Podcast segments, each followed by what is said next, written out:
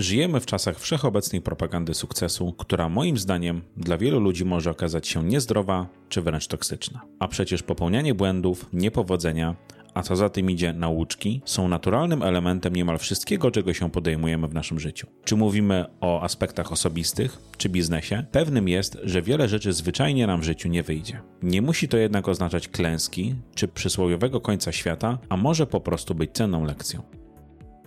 Nazywam się Marek Wyszyński i w tym podcaście zachęcam moich gości do dzielenia się historiami ich wakapów, tego jak sobie z nimi poradzili i czego się przy okazji nauczyli.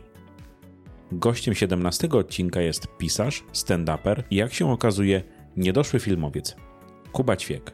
W trakcie nagrania poruszyliśmy każdy z tych aspektów jego działalności. Z podcastu dowiecie się m.in. czym dla Kuby jest stand-up i dlaczego go uprawia, jakim przeżyciem może być wystąpienie przed publicznością, której dany program zwyczajnie nie siada, jakie wpadki przydarzają się autorom, jeśli idzie o przygotowanie powieści, research, relacje z wydawcami czy fanami, i czy zdarza się, że mnóstwo napisanego już niemalże gotowego materiału trafia zwyczajnie do kosza? Jak trudno może być zorganizować produkcję filmową, nawet całkowicie kameralną, wręcz amatorską, dwuosobową? Oraz jak Kubie udało się jednocześnie przyczynić do sukcesu i niepowodzenia dwóch różnych kampanii crowdfundingowych. Zapraszam do wysłuchania odcinka. Cześć Kuba. Cześć. Super, że, że znalazłeś dla mnie chwilę czasu i że spędzimy ze sobą ten wtorkowy wieczór i pogadamy trochę o fakapach. Powiedz mi, jak samopoczucie. Mówię, że po treningu, tak?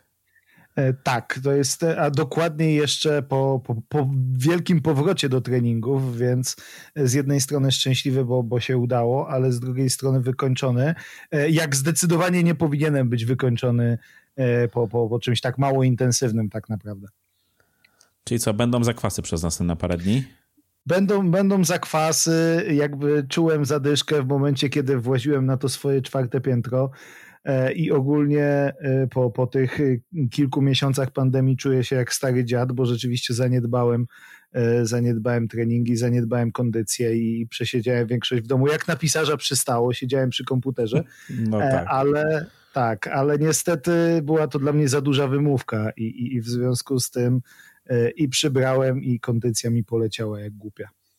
No powiem ci, że ja pisarzem nie jestem, ale też przesiedziałem w domu praktycznie cały, cały zeszły rok, więc i kondycha, i waga nie są tam, gdzie, gdzie były rok temu i tam, gdzie chciałbym, żeby były. E, to już co, na jesteś pisarzem, każdego... to ci została jedna rzecz. Dokładnie, tylko książkę napisać. Na początku każdego odcinka proszę gości, żeby się przedstawili, ale chcę, żeby zawsze powiedzieli o sobie coś, czego nie znajdziemy na ich temat zbyt łatwo.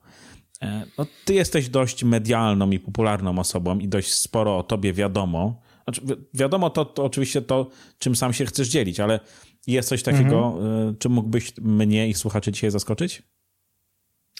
E, wiesz co, nie wiem, nie wiem, czy jest, e, czy jest coś takiego, o czym gdzieś e, kiedyś już nie wspominałem, natomiast na pewno jest to rzecz, której nie ma w mojej Wikipedii, która mm, nie funkcjonuje jako tak bardzo, bardzo publiczna, chociaż o niej mhm. mówię. I to jest to, że jako pisarz, czyli człowiek wykonujący zawód w miarę spokojny, i, i, kojarzący się z siedzeniem w miejscu i jakimś takim stonowanym funkcjonowaniem, jestem w tym względzie wyjątkowy, że jestem gniewnym typem. To znaczy, e, jestem gościem, który od 20 lat uczy się gdzieś kontroli wewnętrznego gniewu i E, I okay. w związku z tym całe to moje pisanie, całe to moje pisanie jest zbudowane właściwie wokół tego, to znaczy po pierwsze uważnego obserwowania świata, uważnego kontrolowania tego, co się dzieje wokół mnie i uważnego, pracowitego przetwarzania gniewu, być może wewnętrznego, na na przykład gniew społeczny. No powiem ci, że mnie w tych książkach, które czytałem, bo chyba ze dwie czy trzy jeszcze mam do przeczytania, jakby ja nigdy tego gniewu nie widziałem, tak? I nigdy nie widziałem tego, e, tej, tej, tej wściekłości. One zawsze były, e, no przynajmniej te początkowe, tam było dużo humoru, Później, powiedzmy, to się zrobiły trochę mroczniejsze klimaty, ale tego, tego gniewu, tej wściekłości jakoś tam nie doświadczyłem. Także chyba faktycznie po, pomaga ci to e, opanować ten, bo, ten twój gniew. Bo to, jest, bo to jest trochę tak, że humor bardzo w czymś takim pomaga. Humor e, jakby, czy przetwarzanie wszystkiego na żart, e, często czarny humor, albo właśnie humor mocno ironiczny, czy wręcz sarkastyczny, bardzo mocno pomagają w przetwarzaniu tych wszystkich rzeczy. Ty dajesz im upust, ale z drugiej strony reakcja odbiorców nie jest negatywna, jak w przypadku innych objawów związanych z gniewem, ponieważ ludzie się śmieją. Jest to zazwyczaj pozytywna emocja. E, w związku z tym nie ma tego wrażenia, ale zapewniam cię, że jeżeli przyjrzałbyś się tym e, moim rzeczom pod tym konkretnym kątem, już wiedząc, że, że to tam jest, to byś to tam znalazł. Okej, okay, to zaraz sobie wezmę jednego z kłamców spółki i zobaczymy. E, powiedz mi, no bo będziemy dzisiaj rozmawiali o dwóch aspektach twojej kariery. O tej części pisarskiej i o byciu stand-uperem. I powiedz mi, czy w którejkolwiek z nich zdarzają się fakapy? Bo w końcu o fakapach będziemy dzisiaj rozmawiać.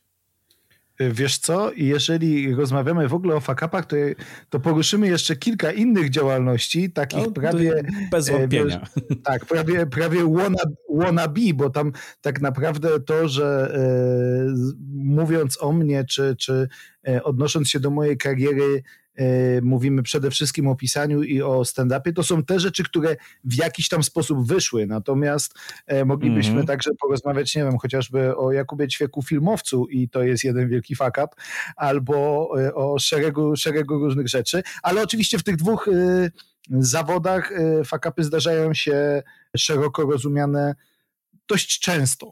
E, dość często ja nawet zastanawiałem się, czy, czy nie zrobić kiedyś takiego cyklu, przez chwilę to pisałem, ale później mi się nie chciało, o rzeczach, które, e, które mi faktycznie nie wyszły, a gdzieś z różnych, z różnych względów, czasami, czasami moich, czasami gdzieś e, z plotu okoliczności, ale, ale tych rzeczy jest bardzo, bardzo dużo.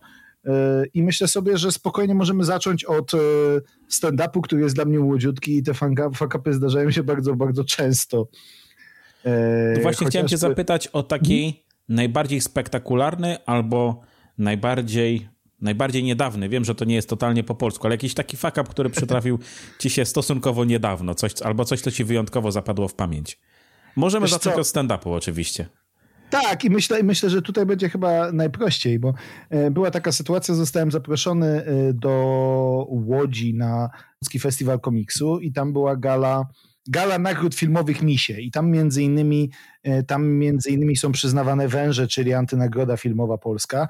Ja należę do Akademii i tam Kamil Śmiałkowski poprosił mnie o to, żebym wraz z innymi komikami, z Mieszkiem Minkiewiczem i, i, i Lotkiem, żebym wystąpił mhm. w czasie tej gali jako taka forma przerywników ze stand-upem e, dedykowanym i, e, i powiem ci, że nie pamiętam w tej chwili dokładnie, jak to wyglądało. Czy, e, czy to Kamil, jakby gdzieś zajawiając mi te rzeczy, e, wprowadził mnie trochę w błąd, czy też ja sam wprowadziłem się w błąd, biorąc pod uwagę, że jest to festiwal komiksu. E, ale kiedy usłyszałem o tym, że ma to być humor mocno popkulturowy i ma uderzać właśnie do odbiorców mocnych popkultury, gdzieś bardzo mocno zakodowało mi się, że występować będę przed publicznością festiwalową to znaczy przed fanami komiksów. E, I, i pamiętam, że, że po pierwsze odkopałem gdzieś z pamięci wszystkie swoje doświadczenia z tym festiwalem, e, a trochę ich miałem, chociaż nie jakoś bardzo, bardzo dużo, no ale byłem tam ze, ze trzy razy jako uczestnik, raz jako gość, więc coś tam było. E, mhm. No i odkopałem wszystkie te swoje doświadczenia jako, jako fan komiksów, jako gościu, który jakoś tam łapie różnicę pomiędzy Marvelem a DC i, e, i o tym, wie o tym całym konflikcie, wie w jaki sposób to działa. Przygotowałem sobie 10 minut żartów, e, które, są, które były bardzo mocno z tym związane i wychodziłem otwierać w zasadzie te gale. Po krótkim przywitaniu zaczynało się od, e, od mojego wejścia i okazało się, że na publiczności w zasadzie nie ma fanów komiksu. To znaczy, to było, okay. to, to, byli wyłącznie ludzie, którzy, nie wiem, zostali zaproszeni na galę. Może jakieś pojedyncze osoby, które gdzieś później przyszły, czytały te komiksy. Natomiast przez 10 minut ja byłem na scenie i kompletnie nikt nie wiedział, o czym ja mówię, nie? Albo, albo zdecydowana większość nie widziała. Mogło też być tak, że wiesz, że byli tam jacyś ludzie, którzy łapali, o czym mówię, ale, e, ale uważali to za nieśmieszne i w związku z tym to było 10 minut stand-upu na prawie kompletnej ciszy. E, i, I wiesz, Tak, i, i jeszcze to, to, to nie było jakoś, ja nie byłem wtedy jakoś specjalnie zaawansowany. Mieliśmy jakiś taki program pierwszy, którego nie mieliśmy jeszcze mocno ogranego. Mieliśmy zaczynać dopiero drugi. To były w zasadzie same moje początki i dostałem takim doświadczeniem e, przez web na zasadzie masz 300 e, osób na sali e, i, i kilka takich małych, cichutkich z litości, nie? I oczywiście dostałem bardzo ładne oklaski, jak schodziłem. To jest jakby e, super sprawa, że, tak, że tak. wszyscy tak. Kultura z uprzejmości, jest. Tak, że wszyscy z uprzejmości, wszyscy kulturalnie mi, mi podziękowali, ale 10 minut e, w zasadzie żartowania sobie w ciemność i w pustkę. Czyli jednak ten e, najważniejszy krok to znaj swoją publiczność, tak? Wiedz, wiedz dla kogo będziesz e, występował, kogo masz rozbawiać, nie? E, albo to, albo bądź przygotowany na to, że e, twój humor jest uniwersalny i trafi wszędzie. Albo też, bo czasami jest tak, e, przygotuj się na to, że, że, będziesz, się, że będziesz się testował i, i że będziesz sprawdzał granice, bo to także w tym kierunku może pójść. Ale, mhm. ale zdecydowanie znajomość publiczności pomaga. Wiesz co, bo to trochę jakby prowadzi do, do mojego następnego pytania, pewnie dość oczywiste i spotkałeś się z nim już nieraz. Często się zdarza, że program, może nie cały program, albo, ale żarty czy sekwencje żartów, które sobie opracowałeś, nie siadają. I czy to też w jakiś sposób może być fuck up, to znaczy, wiesz, ja nie wiem, jak wygląda procedura testowania tego, co ty tworzysz. Czy ty to testujesz zawsze na żywo, czy masz jakąś grupę kontrolną, kilka najbliższych osób, gdzie faktycznie sprawdzasz. I wy, wychodząc na scenę, masz tą pewność, że nie wiem, no, przynajmniej tej połowie siądzie, bo wiesz, bo, bo wiesz, dla kogo występujesz, oni wiedzą, dla kogo przyszli. Jak to, jak to działa? Wiesz co, taką przyjętą formułą jest, że y, program testujesz na tak zwanych open micach w małych kawałkach. To znaczy mhm. Taki, taką y, sekwencją żartów na jeden temat jest tak zwany beat. To jest coś, mhm. co składa się najczęściej z kilku żartów, albo być może z jednego żartu, ale jakoś rozbudowanego, e, który, który e, jest taką, nie wiem, takim podrozdziałem, prawda, jeżeli przenosić to gdzieś na jakąś koncepcję literacką, czymś na jeden temat, który, który, który wprowadzasz, co ma jakąś taką puentę, ma jakieś zamknięcie i, i jest to większe niż żart, no mniejsze niż program, nie? I to jest, to jest taki, mhm. taki kawałek, bardzo często ludzie mm, mylą to z kabaretowym sketchem, czyli to jest jakiś taki no jeden tak. konkretny, konkretny motyw. I taki motyw bardzo często zamyka się gdzieś właśnie w jakichś takich pięciu, siedmiu minutach, więc testuje mhm. się to na tak zwanych open micach, że y, przyjeżdżasz czy to na właśnie specjalne testowania, gdzie, gdzie tych komików jest wielu, czy na jakiś taki właśnie y, cały wieczór, który jest oparty na krótkich występach open micowych, y, czy też dogadujesz się z bardziej znanym komikiem, że możesz wejść przez, e, przed jego publiczność e, i przez te 5 minut 5 minut czy tam 7, e, potestować sobie żarty. I takie kawałeczki w różnych miejscach testujesz, a potem zbierasz to razem do kupy i wtedy masz program. I najczęściej to działa w taki sposób, jeżeli oczywiście jest ku temu możliwość. Natomiast to i tak nie chroni cię przed tym, że, że żarty mogą nie wchodzić to i tak nie, wchodzi, nie mhm. chroni cię przed tym, że, że publiczność jest bardzo, bardzo różna, w zależności od tego, gdzie trafiasz. Wiesz, ja, ja wciąż jestem początkującym komikiem, w związku z tym dla mnie publiczność e, rzędu tam, nie wiem, 100 osób to jest bardzo duża. I, I w związku z tym dużo tych występów jest na przykład w bardzo małych miejscowościach. I, i to są miejscowości rozrzucone po całej Polsce. I, I czasami trafiasz w regiony, gdzie gdzie ten twój konkretny humor e, nie wejdzie i to może nie wejść na całe miasteczko. Może tak być, że wiesz, mm -hmm. że, e, że wchodzisz z jakimś kontrowersyjnym tematem, a ja akurat mocno kontrowersyjnych tematów się trzymam. Mój humor jest po pierwsze bardzo czarny, po drugie bardzo antyklerykalny i poruszający... Do tego za chwilę dojdziemy, bo, tak. bo się, o tą kontrowersję na pewno będę chciał podpytać.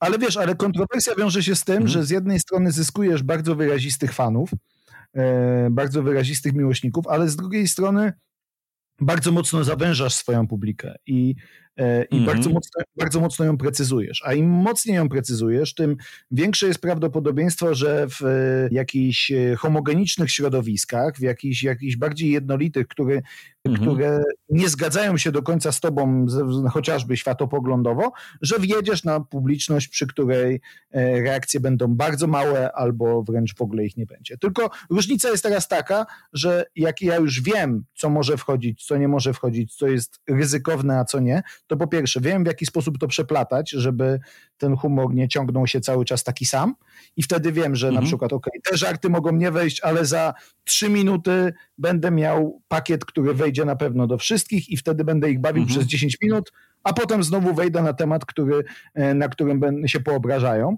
E, I, I w związku z tym daje mi to jakąś taką pewność na scenie, że, e, że wiem, co się mniej więcej będzie działo. I wtedy z równowagi wyprowadza cię tylko to, jeżeli ludzie zaczynają się śmiać w skrajnie dziwnych miejscach.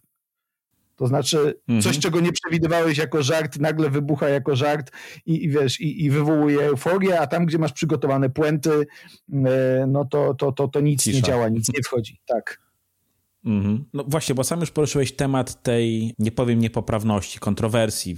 Nawet nie do końca wiem, jak to nazywać, ale no żyjemy trochę ostatnio w czasach mocnej poprawności politycznej mhm. pod wieloma względami e, i mnie stand-up się bardzo często kojarzył z e, przekraczaniem pewnych granic, takich granic można powiedzieć dobrego smaku, albo z właśnie ze zrywaniem stabu wszelkiego rodzaju, tak? Jeszcze, I to mówię o, o ludziach, wiesz, o, o tych legendach, tak? Typu Carlin, mhm. typu, tak. typu nawet, wiesz, Jimmy Carr czy ktokolwiek tam był Holokaust, tam była pedofilia, bo tam było wszystko, nie? Jakby y, nie było żadnych świętości. Dzięki temu pewnie też te dowcipy tak mocno siadały, tak? Przez, przez to, że były tak mocne. Ale ja się zastanawiam, czy w dzisiejszych czasach to nie jest fuck up. Pójść, tak jak sam mówisz, twoje, jakby poruszasz kontrowersyjne tematy czy to nie jest problem w dzisiejszych czasach iść trochę za daleko z tą kontrowersją? Czy stand-up nie powinien pójść, nie, nie powinien iść trochę w drugą stronę? Czy w ogóle to nie istnieje? Mi się tylko wydaje, że tak jest. Wiesz co, to zależy, co tak naprawdę chcesz tym stand-upem osiągnąć. Bo to też, wiesz, my sobie dzisiaj możemy mówić tutaj o, nie wiem, o właśnie George'u Carlinie, możemy mówić o wcześniej, o Lenym Brusie, możemy mówić o Richardzie Priorze, czy, czy, czy wielu, wielu innych, którzy rzeczywiście y, byli bardzo kontrowersyjni w odpowiednich momentach i, i walczyli o, o, o konkretne rzeczy. nawet, I, na, nawet Eddie Murphy w momencie, w którym zaczynał, tam to było bardzo mocno nacechowane pod kątem rasy wtedy, tak? I jakby, jakby ten, ten tak. wydźwięk, który gdzieś tam zawsze padał z tych jego, nawet kończąc, po prostu kończąc, nie? Patrzcie, kurde, mały czarny chłopak wyszedł, was rozbawił, rzucał mikrofonem i wychodził po prostu, nie? Jakby, jakby no, no, właśnie, bardzo ostentacyjnie. I właśnie to jest to, że, że, że wiesz, właśnie to, co robił Richard Pryor, to, co później robił Eddie Murphy, to, co nawet dzisiaj robi Chris Rock, to jakby w, w, w tych swoich mm -hmm. żartach, e, co robi Dave Chappelle, e, jakby podnosząc pewne kwestie. E, wiesz, ja wychodzę z takiego założenia, że dobry stand-up bierze się znowu, wracamy tutaj do tego, co mówiłem na samym początku, z dobrze przemyślanego gniewu, to znaczy z przepracowanego gniewu. Jeżeli jakieś kwestie naprawdę na ciebie działają. Jeżeli i to wiesz, jakoś właśnie wywołują gniew, bo to jest, to jest ta, ta główna emocja tutaj. Jeżeli chcesz je poruszać, jeżeli chcesz o tym mówić, jeżeli chcesz wprowadzić ludzi, z jednej strony oczywiście rozbawić ich pewnymi absurdami rzeczywistości, ale z drugiej strony wprowadzić ich w pewien dyskomfort, to budujesz taki stand-up. I i, mhm. I wtedy ta kontrowersja jest, jest potrzebna, jest niezbędna wręcz, żeby w taki, a nie inny sposób trafiać do ludzi, gdzieś do środka. To jest y, uderzenie prosto gdzieś w łeb, prosto w serducho. Trafiasz tymi rzeczami i one, wiesz, najpierw rozbawią, ale później gdzieś tam docierają głębiej do myśli. Refleksja jest. Mhm. I być może właśnie pojawi się refleksja. Sama kontrowersja po to, żeby wyłącznie być kontrowersyjnym, żeby rzucać żartami, okej, okay, dobra, bo, bo, bo to jest jazda po bandzie, jasne, też u niektórych komików działa i i, i, i, może się sprawdzać, ale, ale to nie jest moja formuła. To nie jest formuła, która mi się jakoś y, specjalnie podoba. Ona też mi się przejada, bo wyjątkowo czarny humor, jak e, chociażby u Jesselnika, czy Jeselnika, jest, e, jest czymś, co sprawia, że on się szybko robi przewidywalny. I, I, I w związku z tym wiemy, ok, to jest jego recepta, ten facet opowiada o takich, a nie innych sprawach, zawsze ten humor jest czarny, w związku z tym po prostu zakładaj, że e, każda jego puenta będzie najgorszą możliwą, najstraszniejszą możliwą i wtedy już zaczniesz przewidywać, co, e, co on zaraz okay. powie, nie? I to zaczyna tak działać. Jakby to jest bardzo dobry komik. Ja, ja cenię sobie niektóre jego żarty naprawdę bardzo, bardzo wysoko.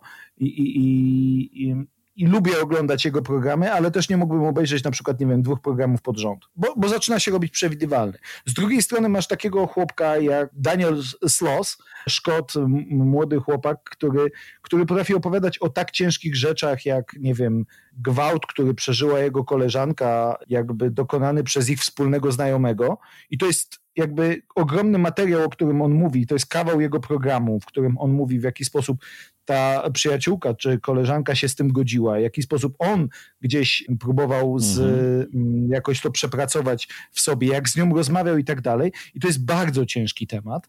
E, a z drugiej strony on potrafi cały czas wyciągać z tego jakieś elementy, które nas rozbawią, które to napięcie przełamią.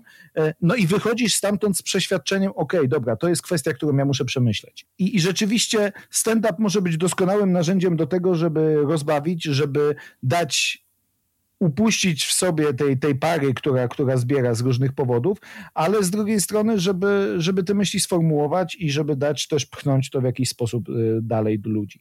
No właśnie, to powiedz mi, to może bardzo bezpośrednie pytanie, ale po co ty mhm. to robisz? E, no, spełniałeś się jako, jako pisarz, nadal spełniasz, bo cały czas przecież tworzysz. Po co, po co ci ten stand-up? Czy, czy, czy dostajesz to, czego faktycznie po, chciałeś od, od, od tego? Powiem tak, e, zabrałem się za stand-up, bo jestem za stary na bójki. Okej, okay, e, czyli to cały I, czas jest tak. ukierunkowanie gniewu, tak? To wiesz co, ja myślę sobie, że to jest szuka, szukanie konfrontacji. E, to raczej czegoś takiego, wiesz, że ja zawsze się starałem, żeby, żeby to ukierunkowanie moje gniewu było, było sprawiedliwe. O, to jest to, że w sensie mhm. nie, że po prostu będziesz się wyżywał, tylko żeby zrobić z tym jakiś porządek i zrobić z tym jakieś no coś dobrego. Natomiast e, to, co jakby siedzi tutaj e, we mnie najmocniej przy tym stand-upie, e, to jest to, że wiesz, kiedy piszesz książkę, to wszystkie reakcje na wszystko, co robisz, dostaniesz w czasie, kiedy, kiedy ty już dawno z tych emocji wyszedłeś.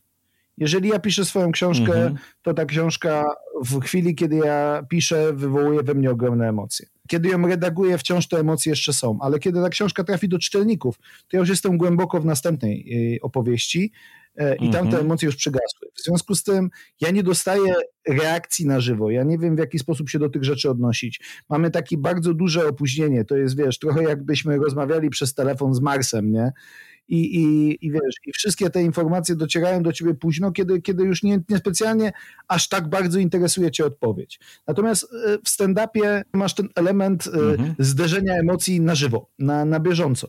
Ty pewne rzeczy mówisz, te rzeczy wywołują reakcje. Jeżeli wywołują reakcje mocne, no to ty na nie zareagujesz, to ci się udzieli. Część energii przejmiesz, część energii wypchniesz z powrotem. To może wejść w poziom jakiejś improwizacji, to może kierować cię w zupełnie innych kierunkach. Te żarty czasem powstają na żywo i wchodzą do programów. Czasami bywa tak. Mhm. E, mieliśmy szereg takich występów właściwie w tej przerwie pandemicznej, powiedzmy, czyli gdzieś tam między lipcem a sierpniem że, że występując, mhm. występując wchodziliśmy na naprawdę malutkie sceny, bo tam wtedy mogliśmy mieć no, jedną czwartą sali, nie? Więc, więc to była no naprawdę no tak, garstka tak. ludzi naprawdę garstka ludzi i z tymi ludźmi e, wchodziłeś w zupełnie inną interakcję i, i, e, i to było, wiesz, takie trochę e, jak pijany wujek włazi na stół i zaczyna opowiadać żarty, nie? I, i to mniej więcej ta skala tutaj była i, i czasami bywało tak, że, że wiesz, że wszedł jakiś żart, ktoś to podchwycił, zaczyna ci coś odpowiadać i ty, będąc na fali fajnej energii, zaczynasz improwizować. I kiedy improwizujesz, e, no to nagle się okazuje, że twój program nie trwa godziny, jak normalnie, tylko półtorej, bo przez półtorej godziny gadałeś żarty, które e, przychodzą ci do głowy na żywca. I jakby i to jest coś niesamowitego. Wiesz, to jest to, że za każdym razem wychodzisz i musisz się skonfrontować. I, i, i to nawet nie chodzi o to koniecznie to, to bojowe skonfrontowanie, czyli tą bójkę, walkę. Natomiast zawsze się mhm. konfrontujesz z kimś nowym. Poznajesz nowych ludzi i ten występ, nieważne jak jesteś przygotowany, może potoczyć się w skrajnie różny sposób. Możesz mieć, nie wiem, pijaka na sali i wiesz, mhm. gościa skłonnego do burd, możesz mieć jakichś zadymiarzy, którzy poczują się obrażeni. Mieliśmy takie rzeczy. I, no właśnie chciałem ja... cię zapytać, jak często są problemy z publicznością? W sensie, czy, czy tu, się, tu też się zdarzają jakieś wpadki, fakapy? Właśnie, pójdziesz za bardzo w tą interakcję, albo nie będzie jej odpowiednio dużo, więc będzie bunt w publiczności, tak jak mówisz, no, tu jakiś pijak, tu jakiś, zadymiarz, y, jakby, czy to się, czy to się zdarza? Wiesz co, y, ja mam to szczęście, że występuję w duecie, y, w sensie jeździmy razem, bo każdy z nas występuje osobno, ale, ale jeździmy razem z moim najlepszym przyjacielem, z Maćkiem Linkę, który jest byłym fighterem MMA jakby wciąż okay. mistrzem brazylijskiego jiu-jitsu, w związku z tym ja się jakoś specjalnie nie obawiam wychodzenia na scenę e, i wiesz, i, jakby tutaj zawsze jesteśmy gotowi także na taką konfrontację, jakby e, więc, więc tutaj jest spoko, natomiast wiesz, stand-upper generalnie powinien być przygotowany na to, że, że w te interakcje będzie musiał wchodzić, że E, będzie musiał trochę pogadać, że czasami e, komuś się wydaje, że e, stand-up jest bardzo prosty i że on sobie może to zrobić z publiki i właściwie twoim zadaniem jest odpowiadać na zaczepki i w związku z tym będziecie próbował zaczepić. I normalnie jest tak, że, że to jest przyjęta formuła, prawda? Na zasadzie ktoś ci coś rzuci i ty coś odbijasz. To, to jest przyjęte, że jesteśmy na to przygotowani. Tylko, że zdarza się tak faktycznie, że ludzie nie mhm. znają umiaru że ktoś ci rzuca tekstem, ty przerywasz program, żeby mu odpowiedzieć, uderzasz jakąś ripostą, e, ta riposta wchodzi, więc jest fajna interakcja, ty możesz wrócić do programu, ale on stwierdzi, nie, nie, nie, bo ty mnie teraz obraziłeś, to teraz ja będę odbijał i będzie ci przerywał, nie? I w tym momencie, e, jeżeli zaczyna się taka głupia gadka, to nawet jeżeli ona jest zabawna, to ona cię wybija z programu. Czyli ludzie wokół ciebie nie dostali tego, po co przyszli. I to zaczyna być problem. Z pijanymi jest jeszcze większy problem. Mieliśmy taką sytuację i to był rzeczywiście jeden z e, występów, który zapowiadał się bardzo fajnie, e, a, a był fakapem. E, miałem takiego gościa, Maciek występuje zawsze pierwszy i on mówi ten swój program i ten gościu już przed programem Maćka był w takim stanie, w jakim powinien być po całym wieczorze. E, natomiast e, tak, po godzinie i po jeszcze przerwie, czyli właściwie po, po, nie wiem, godzinie i 20 minutach, kiedy ja wchodziłem na scenę, to on już był napieprzony, tak naprawdę solidnie. I e, przez większość występów, a jeszcze siedział w pierwszym rzędzie, i przez większość występu było w porządku, bo on po prostu patrzył na mnie błędnym wzrokiem i co najwyżej śmiał się w dziwnych momentach. Ale nie była to jakaś specjalna przeszkoda, ale w pewnym momencie e, zaczął dogadywać. I kiedy zaczął dogadywać, no to tak jak mówię, ja wiem w jaki sposób to zbić i tam raz czy drugi zbiłem. E, to zadziałało, fajnie publika się przy tym bawiła, natomiast on stwierdził, że okej, okay, no to jesteśmy na wojnie i wstał, po prostu wstał i mówi i co teraz? I wiesz, i, i to jest taka sytuacja, w której e, no. nie ma dla ciebie wygranej opcji ponieważ ja już wiem, mhm. że ja nie zbiję go żartem. Na zasadzie nie uciszę go, po prostu uświadamiając mu, że hej stary, no jednak jestem trochę lepszy e, i jednak trochę jestem w stanie cię mhm. zgasić. Mhm. Bo on jest już wyłączony, jeśli chodzi o, wiesz, o jakiekolwiek myślenie. To już, to już e, są tylko jakieś tam odruchy motoryczne. No tak, to już jest instynkt, nie? Tak jest. Z drugiej strony e, mhm. zawsze każda sytuacja z kategorii dobra, słuchajcie, teraz poprosimy o ochronę, czy poprosimy kogoś, żeby go wyprowadził, jest wybiciem z rytmu, jest e, złamaniem pewnego klimatu, jest złamaniem pewnej no umowy, tak. że hej, tutaj się będziemy bawić i to jest integralność występu, która nie powinna być naruszana. E, w tamtej konkretnej sytuacji było tak, że Maciek zauważył, że coś się dzieje, wstał, to, że Maciek wstał, zauważył kolega tego pijanego, więc go szybko wyprowadził, ale mnie się już nie udało. Już nie było możliwości, żeby drugą połowę okay. mojego występu utrzymać na jakimkolwiek poziomie. Ludzie, mam wrażenie, że bardziej śmiali się jakby tak już cichutko i z mniejszymi reakcjami, śmiali się dlatego, że w razie czego Maciek może im wtłuc, niż dlatego, że, że, że moje żarty ich bawiły, bo tam już tam już nie było nie było tego fajnego wieczoru, nie? Już wiedzieliśmy, okay. że hej, dobra, coś się skopało, ktoś to skopał. E, znowu wracając do tej koncepcji pijanego wujka, no to pijany wujek puścił Pawła na stół i teraz wesele już zawsze będzie wyglądało inaczej.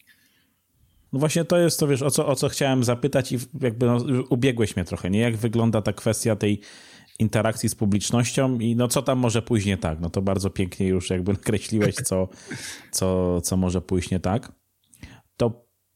Sam nawiązałeś już e, parę minut temu do, do, do, do twojej kariery pisarza, więc będę chciał do niej teraz mhm. w miarę płynnie dzięki temu przejść, ale mam jeszcze do ciebie pytanie.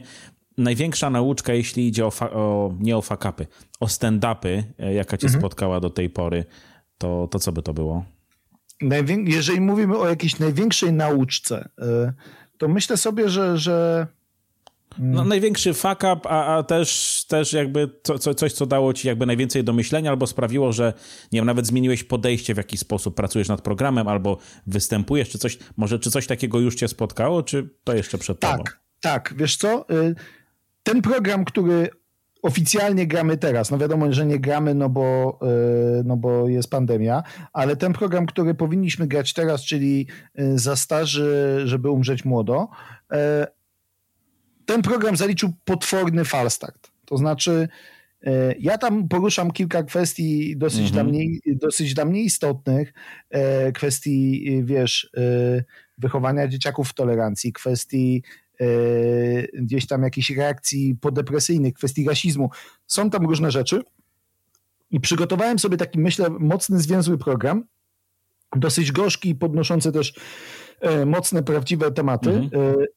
I jak wszedłem z nim na pierwszą scenę, mm, no to reakcja była troszeczkę lepsza jednak mimo wszystko niż wtedy w tej łodzi, e, ale bardzo ciężka. I, i rzeczywiście była to bardzo duża męczarnia, mm -hmm. ponieważ e, bardzo mocno skupiłem się na tym, żeby, żeby zrobić taki program treściwy, emocjonalnie treściwy właśnie, jeśli chodzi o te poważne tematy, a za mało skupiłem się na tym, żeby jednak rozbawić ludzi, że, że muszę o tym pamiętać, e, o tych proporcjach. I tutaj wspomniałem już wcześniej o tym, że, że właśnie istotne jest to przemieszanie, nie? Na zasadzie trochę bawisz, trochę wrzucasz y, tego, tego mhm. gorzkiego, nie? I znowu trochę bawisz i tak dalej.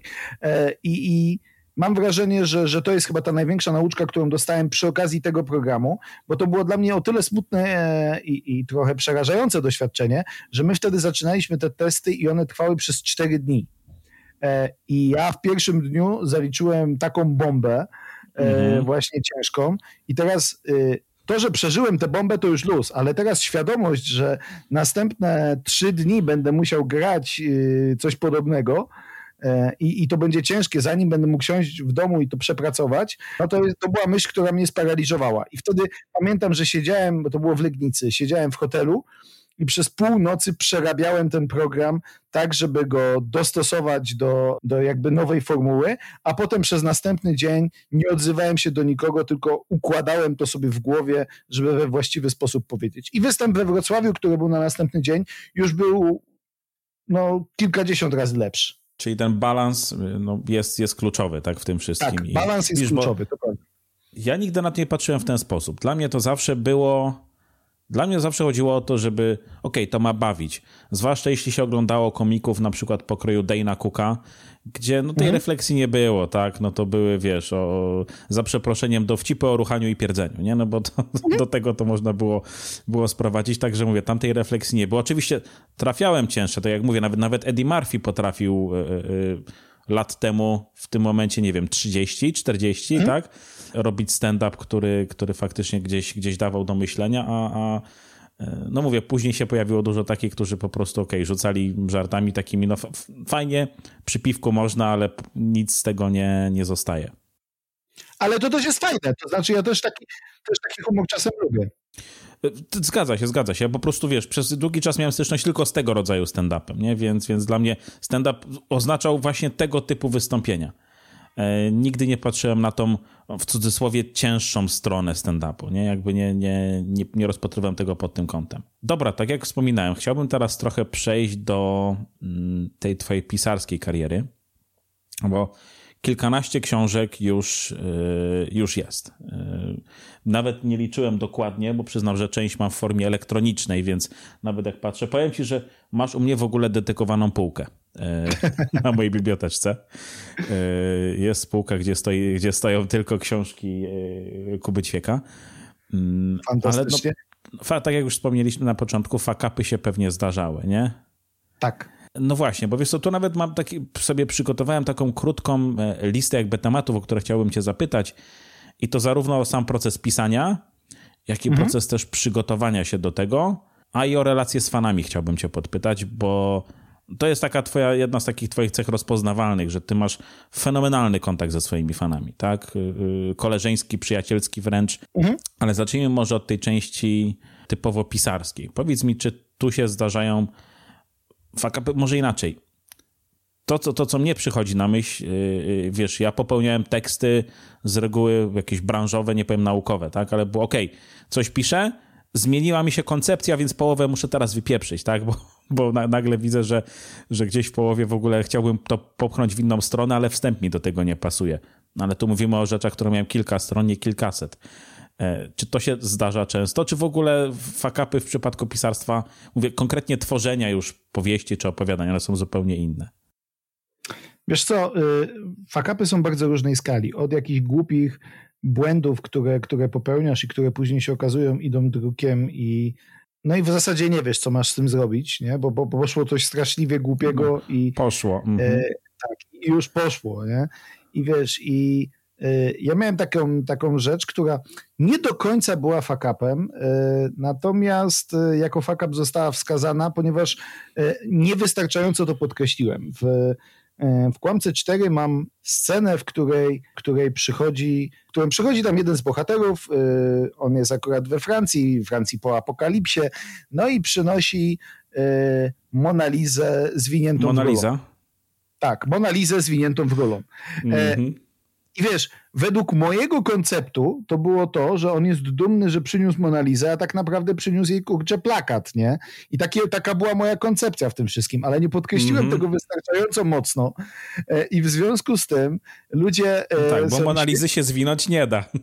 Więc ludzie są święcie przekonani, że ja po prostu nie mam pojęcia, że Mona Lisa powstała na desce i, i tak naprawdę, e, że, że to jest, e, jest błąd. Oczywiście, że jest błąd, bo nie zostało, to jest żart, który wiesz, którego główna część została w mojej głowie, i nie zostało to właściwie podkreślone.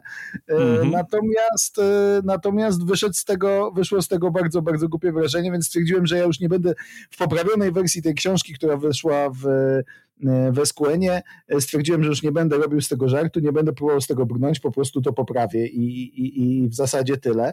E, ale takich drobiazgów zdarza się dużo, nie? Na zasadzie po prostu nie wiesz, jak coś działa i, i albo, albo właśnie to jest częsta rzecz. Część tego zostaje w twojej głowie, bo to, co zapiszesz, zawsze jest tylko jakimś takim wierzchołkiem góry lodowej tego, jak ty to sobie wymyśliłeś i wyobrażałeś. I, i, I, czasami za dużo zostanie w twojej głowie, a za mało przelałeś na kartkę i w związku z tym wychodzą jakieś, jakieś głupie nieporozumienia. E, natomiast e, e, jeśli chodzi o duże rzeczy, to fakapy dzielą się na dwa rodzaje. Po pierwsze, na przykład gdzieś w pewnym momencie, na którymś etapie historii, orientujesz się, że to, do czego zmierzasz, nie ma sensu. Że po prostu przeoczyłeś jakąś ważną rzecz, zauważyłeś jakąś ogromną y, i w tym momencie, wiesz, mając tam, nie wiem, trzy czwarte tekstu albo dwie trzecie tekstu, orientujesz się, że przeoczyłeś jakąś ogromną dziurę logiczną e, i ta dziura logiczna sprawia, że z miejsca, w którym jesteś, nie dotrzesz do miejsca, do którego zmierzasz. Po prostu się nie da. I teraz, e, co się w tym momencie dzieje? E, zaczynasz w panice, żeby nie zmarnować tych stron, które masz do tej pory, próbujesz wymyślić zupełnie inne zakończenie, czyli zupełnie inny punkt docelowy. E, I sprawdzasz, czy da się to mhm. uratować. Jeżeli się nie da, to sprawdzasz, czy możesz coś zmienić w tym, co już napisałeś, żeby e, jednak wyprowadzić to w jakiś sposób na prosto. I, i wiesz, i to i przed tym nie chroni na przykład plan, nie chroni, wiesz, przygotowanie bardzo dokładne rzeczy, ponieważ z poziomu planu, kiedy jeszcze nie wchodzisz w szczegół, możesz tych rzeczy nadal nie zauważać, że tam jest po prostu jakaś duża dziura logiczna. Ja mam to szczęście, że jeśli chodzi o taką sytuację, e, to mhm. E, na etapie, w którym, w którym mm, mogło to być problemem, to ja jeszcze byłem zbyt bezczelny, żeby to zauważać. E, I, i dzięki mhm. temu później redaktor mnie na przykład w pewnych rzeczach wyprowadzał. Takim przykładem jest moja pierwsza powieść, czyli Liżąc Ostrze. Po dwóch tomach opowiadań e, zabrałem się po pierwsze za powieść, po drugie za coś bardziej poważnego. E, no i nadal mhm. uważam, że jest to jedna z najsłabszych rzeczy, jakie w życiu napisałem, chociaż, chociaż niesie w sobie jakiś pewien potencjał pomysłu. E, gdyby to, wiesz, mhm. E, napisał doświadczony pisarz, gdybym się za to zabrał dzisiaj, to pewnie byłbym w stanie tę historię dobrze wyprowadzić. Natomiast tak, to jest historia z fajnymi aspiracjami, z bardzo fajnymi pomysłami, ale generalnie jako całość sprawdza się, e, sprawdza się tak sobie. I tam właśnie też miałem taki przypadek, że, że w pewnym momencie okazało się, że to, do czego ja zmierzam, jest bez sensu. I wtedy bardzo duża praca moja i redaktora, żeby jakoś, jakoś to wyprowadzić, do jakiegoś, e, jakiegoś sensu z tym wszystkim dojść. Drugi przypadek, który miałem, to jest książka, którą, którą napisałem bodajże 120-130 stron. I, i wiesz, i tam był nawet dosyć duży problem, bo ja, to, ja tę książkę sprzedałem do, do wydawnictwa. Ja bardzo długo nie brałem zaliczek żadnych. E, I to była pierwsza książka, na którą wziąłem zaliczkę. Po prostu byłem pewien, bo pomysł jest super, bo, bo wszystko gdzieś tam działa i tak dalej. Zresztą bardzo dobrze mi się to pisało. Te 120 stron napisałem w, nie wiem, 10 dni, coś takiego, w dwa tygodnie, mniej więcej. E, więc wiesz, więc było super i wtedy stwierdziłem, że okej, okay, że, że no dobra, mamy pewniaka, to jest, to jest świetna rzecz. Doszedłem do tych 120 stron, e, zabierałem się za następną część, którą miałem e, napisać, zacząłem sobie tam coś rozpisywać i nagle dociera do mnie, że kurde nie, no tego się nie da napisać. W sensie to jest głupie i jakby jakkolwiek wszystko, co, jakkolwiek to, co napisałem do tej pory jest fajne, to wszystko, co było fajne w tej książce ja już napisałem a mam dopiero 120 stron, nie ma to żadnego zakończenia. I wtedy wyszła bardzo, bardzo gdzieś tam niezręczna sytuacja, bo ja się oczywiście długo nie chciałem przyznawać do błędu i, i w związku z tym walczyłem, kombinowałem, miałem mnóstwo nieprzespanych nocy, e, a ostatecznie ta książka nie wyszła i przyszło zwracać zaliczkę. E, no i gdzieś tam te wszystkie problemy się, się gdzieś nawarstwiały na zasadzie ok, dobra, no to jest facet, który nie zawsze dostarcza, nie? I, i długo się to za mną też w jakiś sposób ciągnęło, ale, ale wtedy po prostu byłem zbyt, zbyt pewny siebie, nie? Na zasadzie to, że mam plan historii i to, że mam y, dobry początek, wcale nie znaczy, że tę książkę będę w stanie doprowadzić do końca. I teraz przy każdej książce, każdej, którą piszę, mam w którymś momencie taki moment paniki, nie? Na zasadzie w tym coś nie w tym jest, wiesz, coś nie tak z napięciem, coś nie tak z bohaterami, coś nie tak z motywacjami. Przy każdej jednej książce, nawet jeżeli nie ma ku temu żadnych przesłanek, ja mam taki moment, e, moment paniki. Wtedy na szczęście mam ludzi beta testerów, którym ufam, niektórych zawodowców, innych nie, którym wysyłam ten tekst jeszcze nie gotowy i, i sprawdzamy, czy to działa, mhm. czy nie działa. Zaczynałeś od, e, od fantastyki, od grozy, hmm? z dużą dozą humoru, tak? No mówię konkretnie o kłamcy, tak? Gdzie, gdzie hmm? raz, że multum nawiązań popkulturowych, no bo, bo, bo to cię ukształtowało, tak? W, w pewnym tak. sensie pewnie. Ten humor, taka, taka, taka lekkość, w którymś momencie to zaczęło skręcać, tak? I, i na przykład Szwindel, mm, który jest, nie wiem, no, dość gorzki, e, e, trochę mam wrażenie gdzieś tam w tym, tym swoim wydźwięku, pozbawiony tej E, tego, ta, ta, takiego humoru pozbawiony tej fantastyki, czy ty się nie bałeś trochę skręcenia właśnie w y, takie bardziej przyziemne tematy, w takie y, wiem, mocniejsze, mroczniejsze historie, poważniejsze? Czy to nie było tak, że. Y, no bo tu też. Chodzi mi o to, że wiesz, tu też się można wyłożyć, no bo jakby byłeś ekspertem w czymś innym z mojej perspektywy, z perspektywy mhm. odbiorcy twojej twórczości. A tu nagle jednak Mówię, Szwindel. Szwindel nie był pierwszą twoją powieścią, która jakby szła, szła trochę szła w takie mroczniejsze klimaty, nie? Ale czy, czy tu nie miałeś tej obawy, albo czy tu nie czułeś, że okej, okay, dobra, ja tego nie czuję, to jeszcze raz, jeszcze raz właśnie gdzieś się pojawiły te fakapy, gdzie zaczynałeś od nowa coś pisać, bo jednak, y, bo jednak, nie wiem, podświadomie się czułeś lepiej z tym, z tym humorem, którego było wcześniej więcej u ciebie? Wiesz co, y, nie, znaczy ja do Szwindla siadałem w miarę pewnie i, i ja generalnie starałem się też, wiesz, starałem się mniej więcej od samego początku, na początku trochę instynktownie, a później y, coraz bardziej mhm. Nie zatrzymywać się na tym jednym konkretnym y, pisaniu książek typu kłamca, bo wiesz, ja napisałem pierwszą mhm. i, i do wtedy jeszcze nie do końca wiedziałem, że to będzie książka. W momencie, mhm. kiedy ja kiedy pracowałem nad redakcją tej pierwszej, no to już, już pisałem opowiadania do drugiej. No i po tych dwóch książkach, które obie odniosły bardzo duży sukces, y, stwierdziłem, mhm. że y, teraz to jest taka sytuacja, kiedy albo zacznę pisać kolejne tomy kłamcy i właściwie na tym się skończę, albo zacznę szukać innych jak pan, rzeczy. Jak pan I... samochodzik, tak? Będzie... Tak, trochę, trochę tak. Trochę myślę, że właśnie e, że, że trochę to jest kwestia pana samochodzika, e, czy, czy jakichś takich właśnie porównań. Trochę ówczesny, bo później się zmienił e, Andrzej Pilipiuk, prawda, który, który mhm. gdzieś zbudował się na, na zbudował się na opowiadankach właśnie o Jakubie Wędrowyczu i to jest schemat, który mhm. dosyć szybko mógł się wyczerpać. A ja chciałem napisać też inne historie i wiesz, jak mhm. się przyjrzeć gdzieś temu całemu mojemu pisaniu, to są cały czas y, zmiany kierunków i, y, i wystawianie mhm. tych czytelników na próbę i i te próby czasem wychodziły, a czasem nie. Czasami, wiesz, zauważyłem, że że czytelnicy oczekują ode mnie tego humoru i że to jest tego absurdu wpisanego właśnie w jakąś taką komiksową, popkulturową formułę i że te rzeczy, y, mówiąc kolokwialnie, schodzą najlepiej, nie? Że, że, że tak -hmm. działa kłamca, że tak działa dreszcz, że tak działali chłopcy, zwłaszcza pierwszy i drugi tom, którzy, którzy to wszystko mm -hmm. gdzieś w sobie, w sobie nieśli. Y, ale też te moje historie krok po kroku stawały się właśnie i poważniejsze i trochę bardziej gorzkie, a pomiędzy nie wkładałem opowieści typu Ciemność płonie, czy, czy gdzieś te wszystkie e, rzeczy e, z historiami alternatywnymi, jak Krzyż Południa, jak, e, jak Ofensywa Szulerów, które mhm. notabene nie chwyciły, ani jedno, ani drugie w ogóle nie, nie, nie, nie, no nie złapało. Obie były przewidziane chyba na coś, na coś większego, nie? Tak, tak. W tak. sensie miały mieć chyba kontynuację. Miały być kontynuacje i jedno i drugie miało mieć drugie tomy, natomiast e, no z czysto że tak powiem, ekonomicznego punktu widzenia, e, bo mhm. kosztowały mnie ogrom pracy. Ja naprawdę bardzo dużo spędziłem pisząc te książki.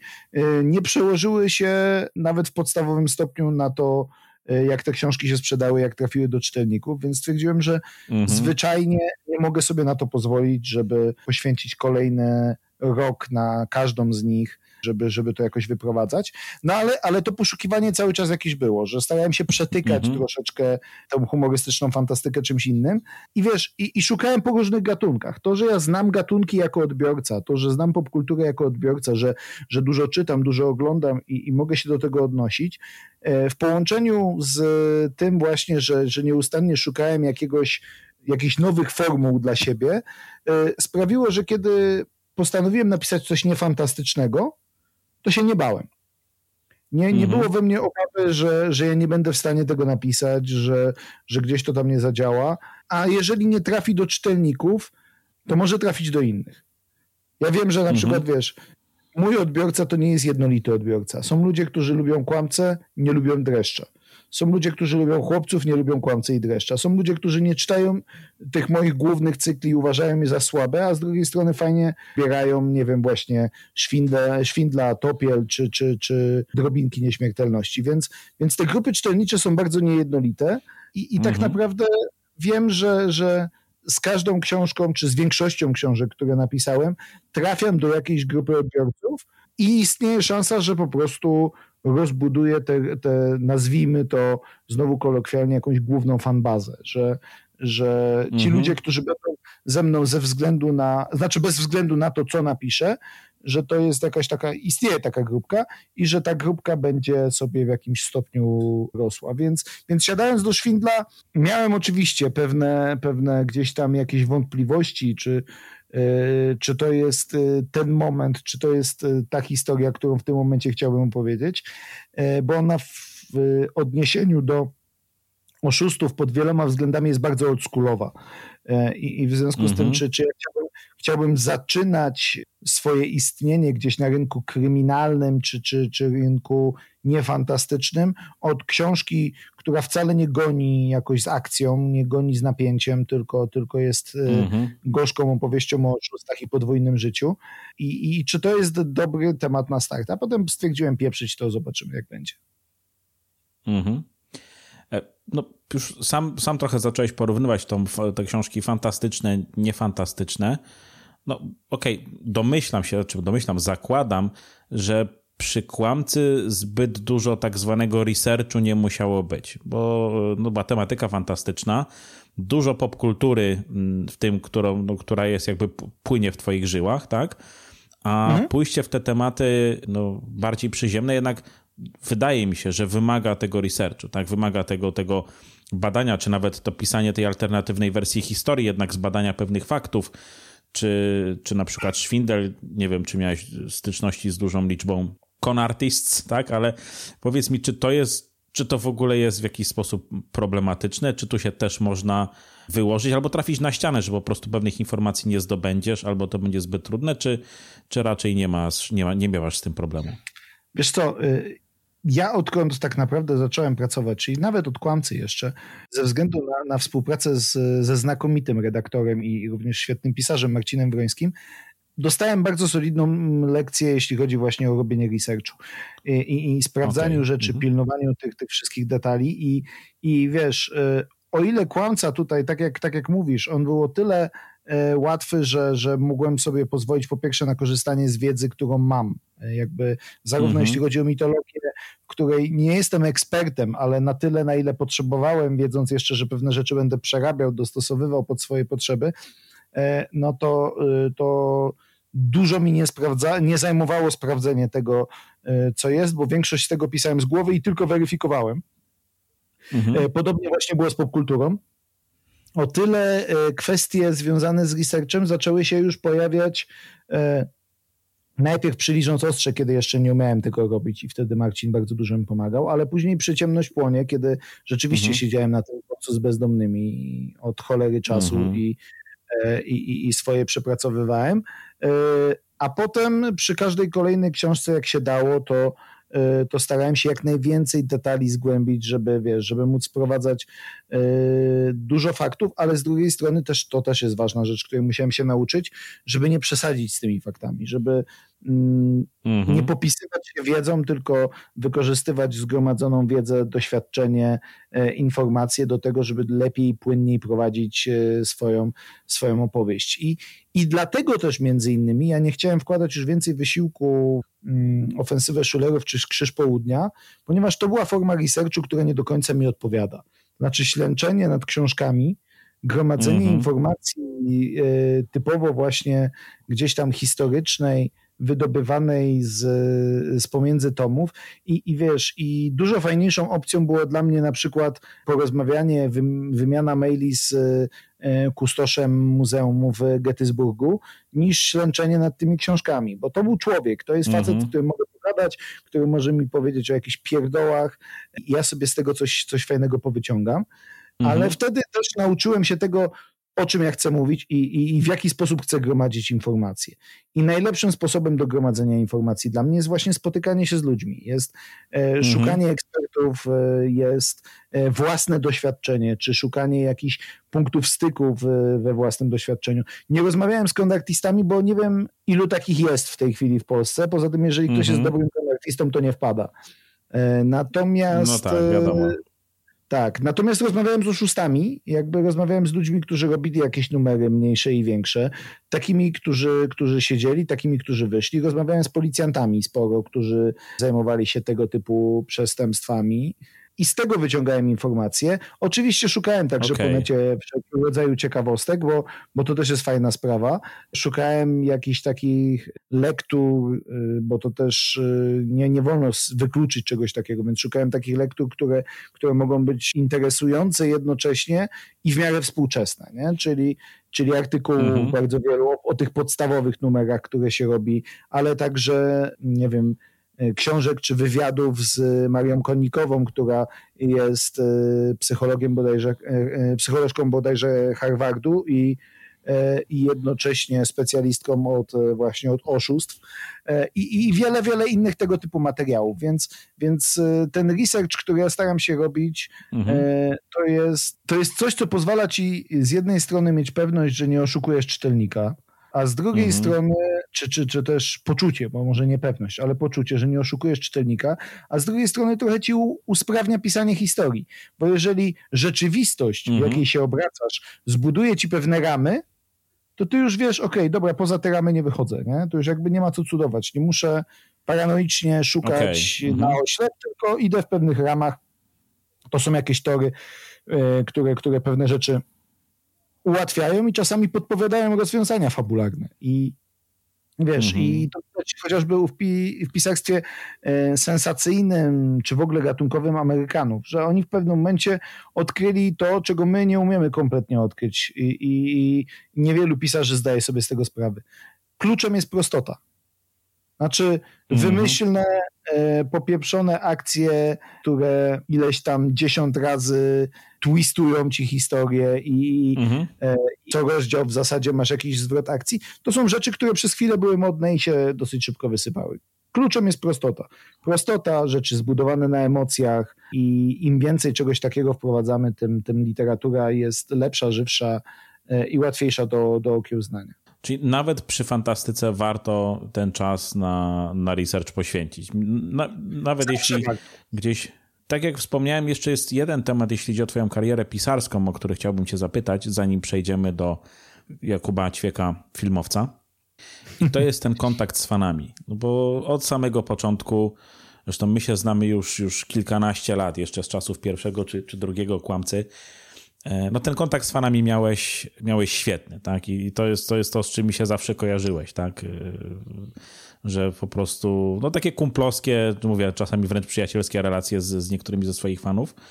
E, mnie się wydaje, że tu się można nieźle wyłożyć, nie? Bo to nigdy nie wiesz, na kogo trafisz i że tu też może jakiś tam fuck up się przydać, ale powiedz mi, czy tu się zdarzają problemy, bo będziesz zbyt dobrze żył z tymi fanami, albo z drugiej strony będziesz chciał się odciąć, żeby mieć jednak jakieś takie, no to, to, to swoje życie, przez co jednak tracisz jakąś bazę ludzi, którzy faktycznie no, czytają i kupują twoje książki.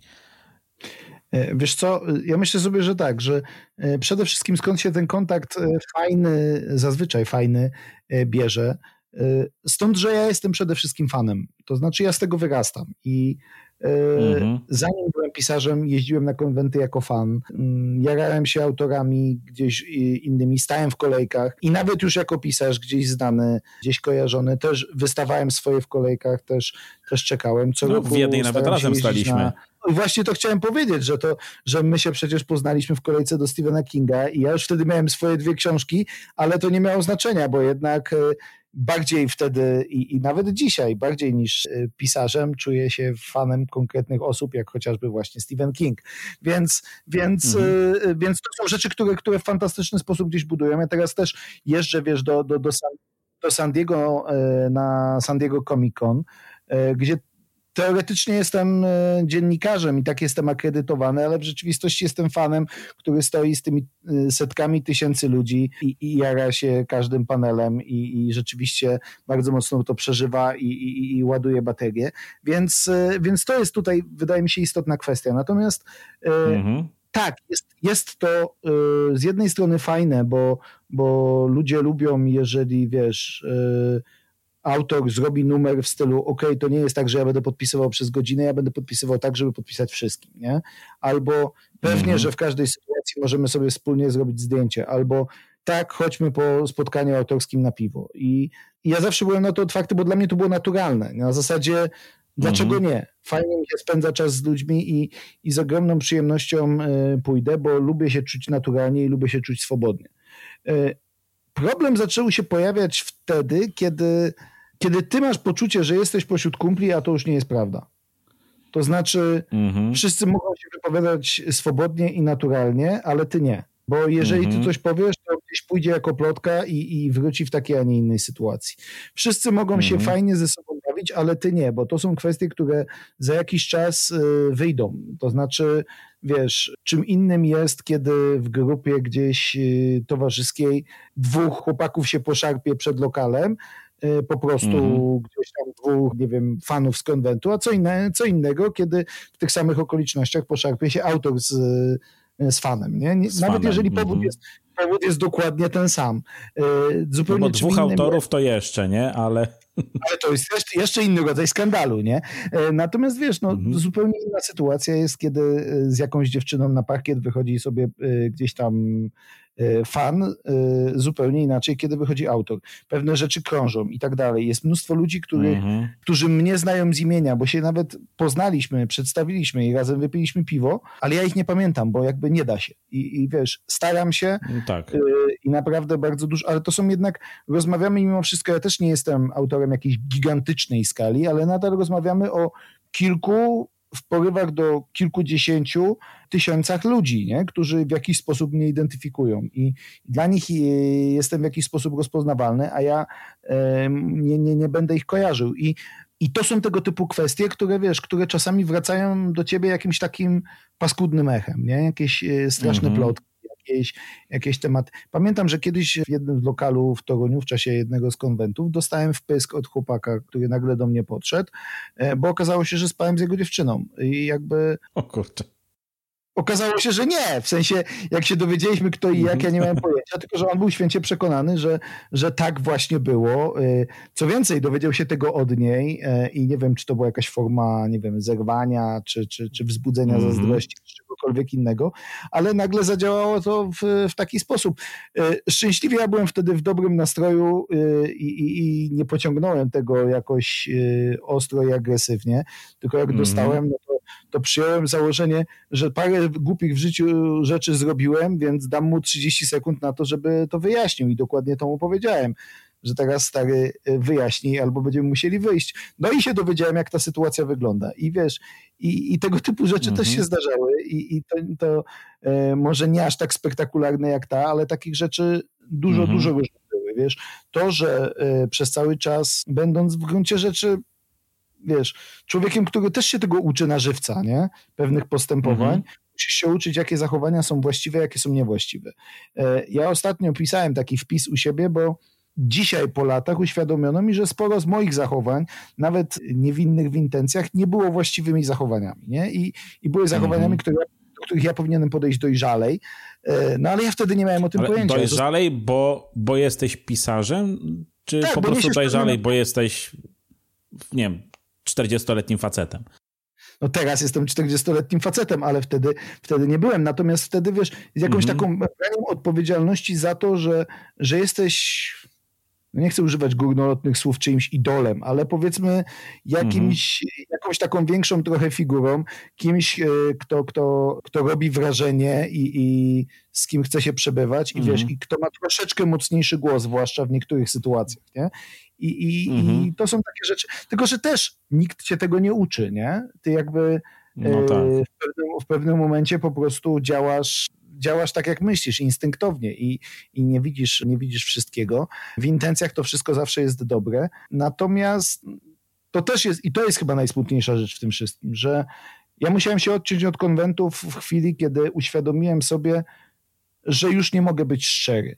Na, po prostu nie mogę być mm -hmm. sobą, nie mogę być naturalnie, ponieważ e, jeżeli cechą główną w moich relacjach z fanami jest szczerość, jest rozmawianie z nimi uczciwie, mówienie im o rzeczach, ale także reagowanie czasem zdenerwowaniem, kiedy, kiedy wiesz, kiedy, kiedy przekraczane są pewne granice i kiedy to do ciebie wraca jakimś spotęgowanym, wykrzywionym echem i nagle się okazuje, -hmm. że ty nie masz prawa się wkurzyć, nie masz prawa okazać emocji, to znaczy, że ta relacja kumplowska jest zachwiana że, że to jest mhm. fałszywe kumplostwo. Ty nie masz kolegów, ty masz fanów. I mhm. ja, zawsze, ja zawsze chciałem mieć kolegów, koleżanki, którzy jednocześnie czytają moje książki, ale te relacje są jakby trochę obok siebie. Wielu no, ludzi przychodziło... Po dziesięciu tysiącach już się nie da, nie? Tak, ale wiesz, wielu ludzi przychodziło do mnie i mówiło, słuchaj, ty jesteś w porządku gościem, ale e, ja nie wiem, trochę się krępuję opowiadać się o twoich książkach. Ja mówię, mów, spokojnie, jeżeli chcesz o tym rozmawiać, rozmawiajmy, jeżeli nie, w ogóle nie gadajmy. No bo nie podobały mi się twoje książki. I mówię, okej, okay, spoko, jakby. Jesteśmy teraz tutaj, siedzimy sobie, pijemy piwo, ja ze swoich książek żyję, ja jestem z nich zadowolony, z tego, co napisałem, z większości rzeczy. Ty nie musisz, bo nie musisz być moim czytelnikiem, żebyśmy mogli się spokojnie, normalnie napić piwa. Jakby to, to, to nie idzie, to nie jest transakcja wiązana. No ale mhm. jakby pewne relacje w taki, a nie inny sposób y, się pozacierały i, i pewne rzeczy ustawiły się tak, że że już nie, niespecjalnie szukam tej formy docierania do każdego na zasadzie hej, jestem tutaj, zobacz, proszę cię bardzo, będę siedział do końca, do ostatniej chwili i, mhm. i, i zawsze będę dla wszystkich fanów, bo za dużo mnie to kosztuje, a niekoniecznie jest to zwrotne. Mhm. Wspomniałeś przed chwilą o tym, że no, zwrócono ci uwagę na parę takich sytuacji, gdzie może powinieneś się zachować inaczej, e, że no, to mogło być odebrane, znaczy, może inaczej, że to mogło być wytknięte ci jako jakaś twoja wpadka. Mógłbyś mhm. coś takiego przytoczyć, czy wolałbyś nie? Nie, Jak wiesz, to, to, ja się, mam... to się wytnie, nie? Nie, ja nie, mam, ja nie mam z tym specjalnie problemu, wiesz, bo e, mhm. to jedno, jedną z podstawowych rzeczy jest tak. Ja zaczynałem jako młody autor, w sensie młody facet. E, ja debiutowałem mhm. ze swoją książką, kiedy miałem, kurczę, ile? 23 lata. Mhm. Więc nie popadając w jakąś, wiesz, fałszywą skromność, byłem gościem, który nieźle wygląda, który y, pisze humorystyczne książki i ma charyzmę do tego, żeby fajnie prowadzić y, prelekcje, bo ludzie bardzo lubili przychodzić na moje prelekcje. Tam zawsze mhm. było dużo entuzjazmu, właśnie zawsze byłem otwarty i tak dalej. I, I zacząłem się pojawiać na tych konwentach, zacząłem być tam widoczny i zdobywać tę popularność, więc niebrzydki, popularny, zabawny facet. To, to, to mhm. było takie... No tak, to wiadomo... Więc wiadomo, że wiesz, Gdzie to może że, pójść. Mhm. Że, w pewnym momencie, że w pewnym momencie prowadzi to do takich, a nie innych reakcji.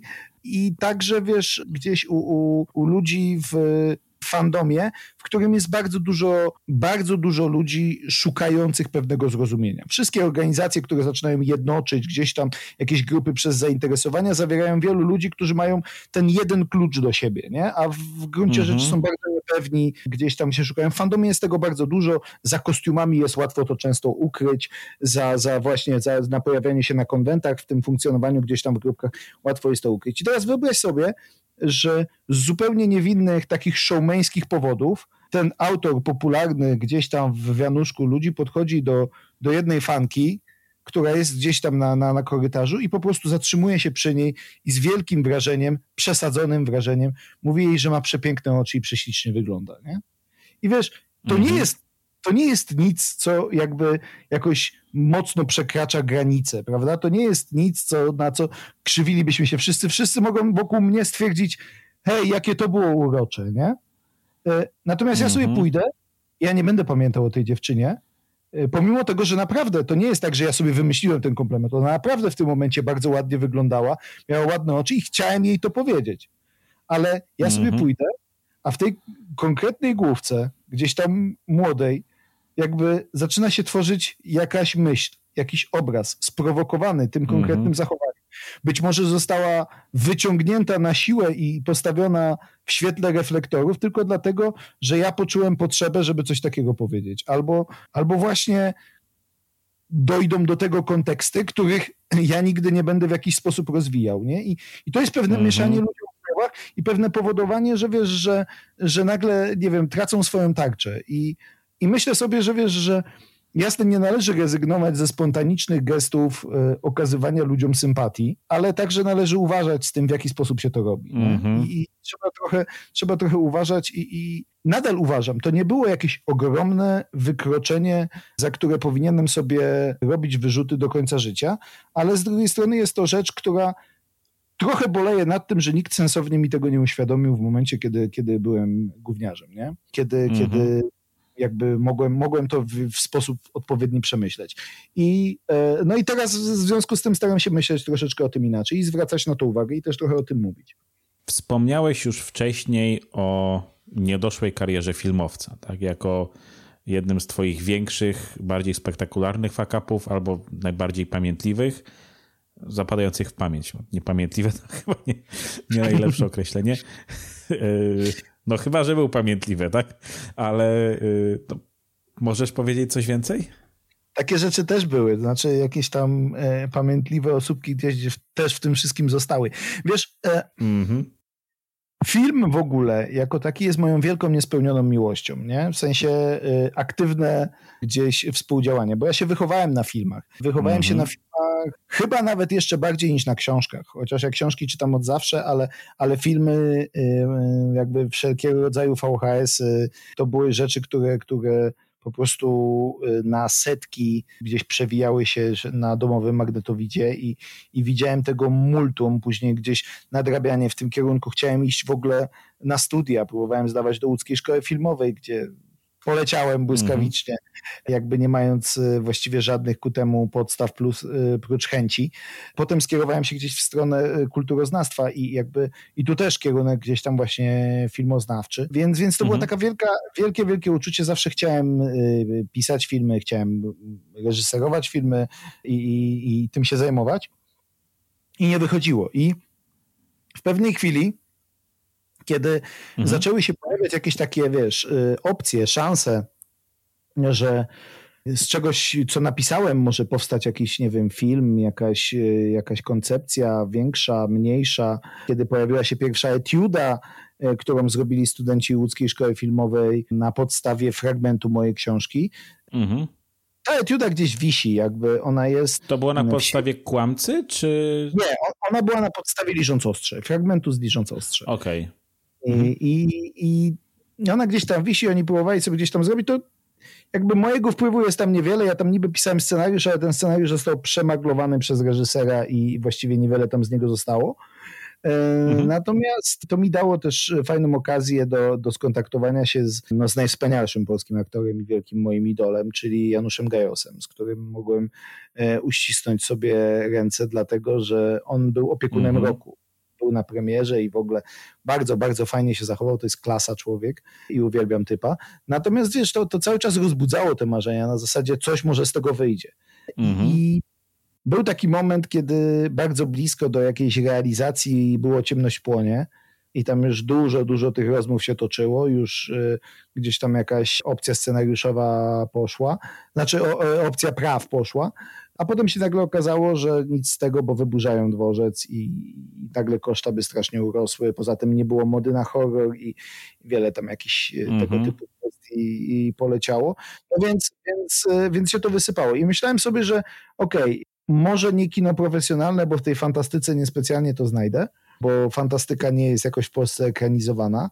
No natomiast mhm. tak, natomiast, że spróbuję sobie własnym sumptem, nie? I jakby pierwszym mhm. takim konceptem było zrealizowanie ze, z kumplami, nie? Jakby przy, był taki przyjacielski y, film, który miał być taką wigilijną historią kopaną. To znaczy e, chcieliśmy, żeby zagrał tam Maciek właśnie linkę, żeby tam były fajne, zrobione przez kaskaderów sceny y, walki w stylu Johna Wicka, co było spokojnie do zrobienia. Natomiast opowieść była mocno wigilijna, tam z takim przesłaniem, generalnie antyprzemocowym, w sensie w kontekście przemocy domowej. Ja wiem, że kino kopane w kontekście antyprzemocowym brzmi dziwnie, ale, ale było tam to mm -hmm. przesłanie I, i bardzo fajnie to wszystko szło. E, mieliśmy mm, tam bardzo fajną e, obsadę i, i, nie wiem, Jacek Rozenek chociażby zgodził się nam zagrać mafijnego bossa i w ogóle bardzo wszystko no. to fajnie, fajnie wypadało, a potem nagle ni stąd ni zowąd rozsypało się o finanse. Jeden, -hmm. z, jeden z głównych inwestorów, który, który gdzieś tam E, obiecywał pieniądze, wycofał się nam w zasadzie w ostatniej chwili i, wiesz, i wtedy nagle się pojawiła taka sytuacja, że no szlak, no i jakby wszystko mamy, to już jest wszystko gotowe, jest scenariusz, jest, jest wiesz, jest obsada, jest, poszły pierwsze zaliczki, wszystko już jest zbudowane, do jasnej cholery, dlaczego nie? To miała być krótka, fajna etiuda filmowa i nie poszło, nie? Mhm. Więc staraliśmy się wyciągnąć z tego jakieś wnioski, pomyśleliśmy, kurczę, dlaczego nie zrobiliśmy crowdfundingu, nie? Więc, mhm. e, więc wymyśliłem sobie, że dobra, spróbujemy użyć wszystkich moich najlepszych atutów, jakie mam, mhm. czyli cała ta historia kłamcy, prawda? Weźmy coś ze świata kłamcy, weźmy opowieść popkulturową, napiszmy nowelkę w stylu body movie, żeby było coś o aniołach, stróżach, mhm. żeby to było bardziej przyziemne, żeby nie trzeba było robić dużych efektów specjalnych. Zróbmy serial internetowy. Serial internetowy po, po 10 minut na odcinek, jak mówię, bez dużych efektów specjalnych, za to z dużą dawką humoru, sensacji i fajną intrygą. Mhm. I zacząłem znowu rozmawiać z, ze znanymi aktorami i zacząłem gdzieś wszystkie kontakty, które miałem w jakiś sposób wyłapywać. I, i tam się działa naprawdę magia, nie? Bo tam zgodziła nam się zagrać w tym Olga Bołądź, nie? Marcin Perchuć, mhm. jakby e, wiesz, Grzegorz Dałkrzewicz, jakby szereg, szereg osób, które, które się tam w tym wszystkim pojawiało. Mieliśmy fighterów, mieliśmy muzyków, mieliśmy Krzyśka Sokolowskiego z Nocnego Kochanka i mieliśmy Abradaba z kalibra 44, więc naprawdę mm mocarna w tym wszystkim e, ekipa. I przygotowywaliśmy wspólnie, przygotowywaliśmy wspólnie ze SQN-em wtedy kampanię crowdfundingową i, i, i tak dalej. I nagle mhm. się okazało, że gdzieś w tym wszystkim e, pojawiła się jedna osoba, która niewłaściwie została decyzyjną, i, i, i, przytrzymała pewne informacje. Każdy z nas popełni na tym etapie jakieś błędy. To nie jest tak, że to są błędy tylko jednej osoby, ale nagle mhm. się okazało, że zabrakło nam tej jednej osoby, która będąc decyzyjną, wie w jaki sposób prowadzi się taką kampanię i, i wie jakie materiały się pozyskuje I, i, i, zabrakło nam tej odrobiny profesjonalizmu i w związku z tym mhm. to, było, to był jeden z dużych problemów, a dru, drugi problem był taki, to jest moje nierozgarnięcie całkowicie, że w tym samym czasie do tych samych ludzi skierowana była inna kampania crowdfundingowa, która mhm. udała się perfekcyjnie, to była kampania y, polskiego wydania Call of Cthulhu, RPGowego. Mhm. I teraz... Y, no tak. I to była świetna kampania i ona weszła dokładnie w tym samym czasie. Jakby mhm. brak, brak skoordynowania terminów. I teraz uwaga, najlepszy myk w tym wszystkim. Zgadnij, kto był jednym z ambasadorów kampanii Call of Cthulhu. Nie wiem, Jakub Ćwiek? Jakub Ćwiek. Ja kompletnie nie pokojarzyłem faktu, że to jest ten sam moment, ten sam czas i że te kampanie się zazębią. W związku z tym no ja tak. byłem w, obu tych kampaniach, więc ja sobie próbuję wyobrazić, jak skonfudowani w tym wszystkim musieli być moi fani, że jakby nagle są, wiesz, masz określony budżet, który możesz dać na takie rzeczy, nie? Jakby no tak, zgadza się. Możesz wyłożyć i nagle więc chciałbyś wesprzeć poza wszystkim innym, poza tym, że kampania Call of Cthulhu była świetnie przygotowana, nasza nie, że, że tam były naprawdę, wiesz, że to jest gigantyczna marka, choć kontra e, marka dużo, dużo mniejsza, ale pomijając już to wszystko, jakby gwoździem czy ćwiekiem do trumny w tym wszystkim byłem ja sam, który jestem ambasadorem obu tych kampanii. W związku z tym nawet nie ma takiego argumentu typu, no weź się człowieku zlituj nad ćwiekiem i jego marzeniem, nie? E, no tak, I bo się litujesz nad, nad, innym. Tak, niezależnie od tego, co zrobisz, to jakby to, to, to, to yy, zrobisz coś dla mnie, w związku z tym no, musi się to rozejść. Więc, więc to był ogromny faka pod wieloma względami. No i oczywiście cały ten projekt się wysypał, więc wymyśliliśmy sobie, wymyśliliśmy sobie, że zrobimy taki maluteńki projekt. Taki, mhm. który wymaga trzech osób, jednego mieszkania, reżysera, operatora i to już będzie wszystko. I jakby i zrobimy taki mm. mini serial 5 do 7 odcinków, nie? Jakby nie da się już prościej. Budżet tego wszystkiego to jest kurde 500 zł na dzień, nie? Nakręciliśmy mm. czołówkę z animacjami. Nakręciliśmy, znaczy zrobiliśmy świetny plakat, który miał to wszystko promować. Y, z, gdzieś na, zebraliśmy materiały na pierwszy odcinek, wszystko i tak dalej. Reżyser z operatorem nam się pokłócili ale pokłócili się tak, że nie ma opcji, żeby, żeby ten impas przełamać. Nie? Więc zostałem mm. tak, że z jednej strony jest nakręcony materiał, którego nie można wykorzystać.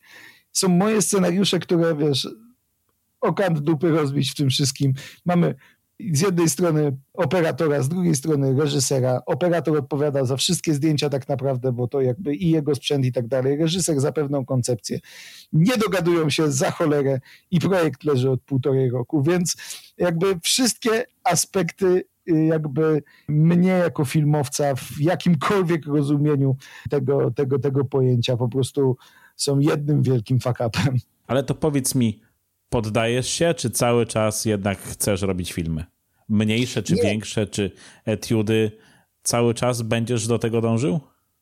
Wiesz co, powiem ci tak, myślę sobie, e, cały czas moim ogromnym marzeniem jest to, żeby, żeby, żeby jakieś filmy za moją sprawą powstawały e, mhm. i, i żeby, żeby gdzieś w tym kierunku pójść. Tylko to chyba czego się nauczyłem, mam wrażenie, że się nauczyłem, to jest zupełnie inne podejście do gry zespołowej. Praca w agencji reklamowej, bo miałem też taki epizod w swoim życiu i, i czy, czy właśnie chociażby tego typu doświadczenie jak, jak przy tamtych produkcjach, ale także przy słuchowiskach, y, które, które gdzieś tam powstają, y, trochę nauczyły mnie więcej o grze zespołowej i, i nauczyły mnie też mhm. o tym, że jeżeli chciałbym uczestniczyć w robieniu filmów, to nie powinno być ja robię filmy, bo ja się na tym nie znam.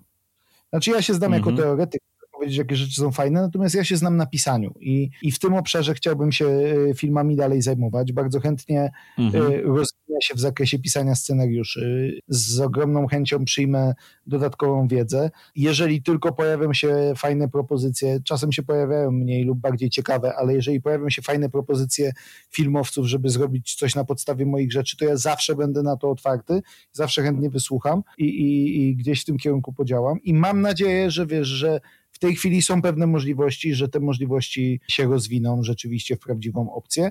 E, nadal jest to moje marzenie, a ja zwykłem z, mhm. gdzieś zmierzać do swoich marzeń, więc, więc w takim czy innym stopniu będę chciał to robić, chociaż wydaje mi się, że jeżeli nie spotkam na swojej drodze kogoś, kto byłby w stanie wziąć na barki i, i umieć to robić, y, odpowiednio rzeczy organizacyjne, to raczej nie zdecyduję się za to, żeby, żeby gdzieś znowu wykładać swoje pieniądze y, i, poświęcać swój mm. czas na robienie etiud czy, czy jakichś miniaturek.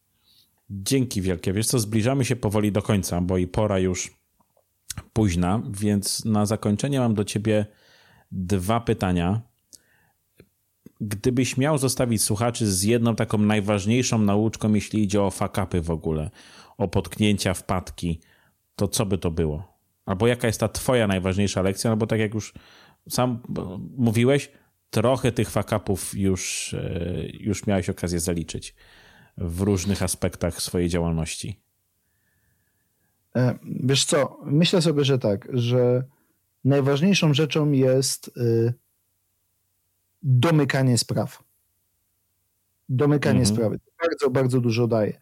E, ja pamiętam, że kiedyś jak byłem w szkole muzycznej, y, uczyłem się grać na trąbce i e, nie nauczyłem się w końcu, ale był taki koncert, wiesz, po egzaminach miałeś koncert dla rodziców, nie? I, mhm. i i tam zawsze przychodzisz i każdy tam gra jakiś utwór. Ja miałem utwór trudny, który, którym tak sobie, tak sobie mi szedł. Stanąłem przed tymi wszystkimi rodzicami i wszystko mi nie szło. Spadały minuty co chwila i musiałem zaczynać od nowa i, i akompaniament, mhm. jakby ja miałem się z tym akompaniamentem zgrać i, i w pewnym momencie rzeczywiście jak mi te nuty po raz drugi, trzeci spadły z powodu tych moich trzęsących się rąk, na trąbce się jeszcze dosyć ciężko gra, bo to jest odpowiedni nacisk e, ustnika na usta, więc jeżeli robisz to za mocno, to usta zaczynają puchnąć, już później nie możesz odsunąć tego ustnika od ust, bo, bo już nie trafisz w to samo miejsce i tak dalej, i tak dalej. Więc e, jak mi te nuty spadły po raz trzeci, to ja opuściłem trąbkę i, i ludzie już byli przekonani, że ja z tej sceny zbiegnę, nie? że jakby koniec, że to już się mhm. zbiera. Ja wziąłem trzy głębsze oddechy, podniosłem te nuty, spojrzałem na akompaniatora i powiedziałem, gramy od tego momentu. I przyłożyłem trąbkę do ust i zagrałem to do końca. I to nie było dobrze zagrane do samego, ale mhm. zagrałem to do końca. I, I tak samo, i wiesz, i ta myśl wróciła do mnie wtedy, kiedy mm, w tej łodzi grałem na ciszy. I to było moje, to było moje pierwsze granie na ciszy. Mhm. I wtedy pomyślałem sobie, mogę w tej chwili zejść, bo nie wchodzi, ale z drugiej strony mogę doczekać do końca te 10 minut i po tych 10 minutach zejdę i pójdę sobie do domu i będę, będzie wykonana moja praca. E, będzie wykonana mhm. może nie dobrze, ale najlepiej jak w tym momencie umiałem. I, I to jest bardzo ważna rzecz, żeby, żeby wydaje mi się przy każdym możliwym fakapie domykać rzeczy, domykać sprawy. A druga rzecz, nie podejmować po tych fakapach decyzji na gorąco. Żeby mhm. nie, nie dać się zdominować pierwszym przygnębiającym myślom. Bo jeżeli tak zrobisz, to, to rzucisz wszystko w diabły. Gdybym ja ja dwa dni po tym występie, który miałem w, w Łodzi, występowałem w Szczecinie z naszym nowym programem, który był zupełnie innym mhm. materiałem i tak dalej. I w pierwszej chwili, jak zszedłem ze sceny, pierwszą moją myślą było zadzwonić do chłopaków i powiedzieć: Nie występuję w ten poniedziałek. Chrzanić to, rzucam mhm. to wszystko. Ale nie podjąłem tej decyzji. Powiedziałem sobie, w najgorszym przypadku zadzwonię do nich w poniedziałek rano. A w poniedziałek rano już myślałem mhm. inaczej. Myślałem sobie, okej, okay, dobra, pojadę tam i będzie jak będzie. I to był już okay. bardzo dobry występ, jak na tamte możliwości. Więc po prostu nie podejmować żadnych decyzji zaraz po fakapie. Mhm. Czy jednak na chłodno. Tak, to jednak to jest bardzo potrzebne. Na chłodno, po przemyśleniu rzeczy, po sprawdzeniu na zasadzie, może to nie był totalny fakap, może po prostu nie zgrały się dwa czy trzy czynniki, może coś trzeba zmienić i spróbować jeszcze raz. To na sam koniec powiedz mi jeszcze, okay, wiem, że teraz jest pandemia i na pewno nie jest to łatwe. Można cię gdzieś zobaczyć, znaleźć w cudzysłowie w najbliższej przyszłości? Wiesz co? Y, zaskakująco tak. To znaczy, y, wiesz, po pierwsze, dużo mnie będzie teraz jakby w sieci i, i niedosłownie mhm. Spotkań bezpośrednio ze mną, bo już w piątek, 5 marca zaczyna się nasz serial audio, nasz, czyli Wojtka Chmielarza i mój, zrealizowany mhm. przez Audiotekę. Napisaliśmy wspólnie coś w czasie właśnie pandemicznym e, i jest to taka mocno kingowska w klimacie opowieść grozy podzielona na odcinki, świetnie zrealizowana ze znakomitą obsadą. A będzie w audiotece? Właśnie to będzie właśnie, odsłuchania, to, jest, to, jest, to jest wyłącznie w audiotece, bo to jest dla nich zrobione. Okay. I to będzie tak, że właśnie teraz w piątek wychodzą dwa pierwsze odcinki, a następnie co piątek po jednym. Tych odcinków jest osiem i, i Myślę, że to będzie naprawdę fajna, klimatyczna rzecz. 24 marca z kolei wychodzi moja najnowsza książka i, i tu myślę, że e, jak rozmawiamy o, o, konceptach, planach filmowych, to jeżeli miałbym wskazywać kandydata czegoś, co, na coś, co mogłoby e, świetnie się sprawdzić jako film czy serial, to to jest mhm. właśnie ta książka. To jest mocna, dynamiczna sensacja, która mam nadzieję rozpocznie pewien cykl e, i, i, okay, no, czekam, jak, na jakieś, na jakieś reakcje. Stand-upowo natomiast e, wiem, że około 14 marca mamy e, mieć jakieś dwa takie trochę testowe w nowych warunkach występy na Śląsku. Mhm. Jeżeli mówię tutaj na Śląsku, to najprawdopodobniej będzie, będą Gliwice i będzie Rybnik. Nie wiem, co, co jeszcze, może coś tam Maciek, który jest także naszym menadżerem, E, coś do tego dołoży i tam będziemy grać ten e, trochę zmodyfikowany w czasie pandemicznym nasz program za starzy, żeby umrzeć młodo. Czyli to, co spieprzyłem w Legnicy, co przepracowałem i co wydaje mi się już jest dobre, a teraz w marcu będzie, będzie jeszcze lepsze, a później w kwietniu i, i mam nadzieję, że, że w maju, w czerwcu, kiedy te obostrzenia wraz z temperaturą powinny topnieć, E, no to, to będziemy oczywiście ruszać w Polskę i, i dużo grać. Super. No, tego Ci życzę i na to liczę i mam nadzieję, że gdzieś przy okazji tych, e, tych Twoich wojaży będziemy mieli okazję się spotkać i, i będę miał okazję zobaczyć Twój występ na żywo. Bardzo serdecznie Cię zapraszam, bardzo serdecznie zapraszam wszystkich, którzy, którzy by chcieli. No i też bym się zdecydowanie spotkał, bo nie widzieliśmy się na żywo zdecydowanie za długo. Dzięki ogromne za, za poświęcenie mi czasu w ten wtorkowy wieczór i mam nadzieję, że tak jak powiedziałem, do zobaczenia i do usłyszenia już niebawem. Cześć. Dzięki, cześć.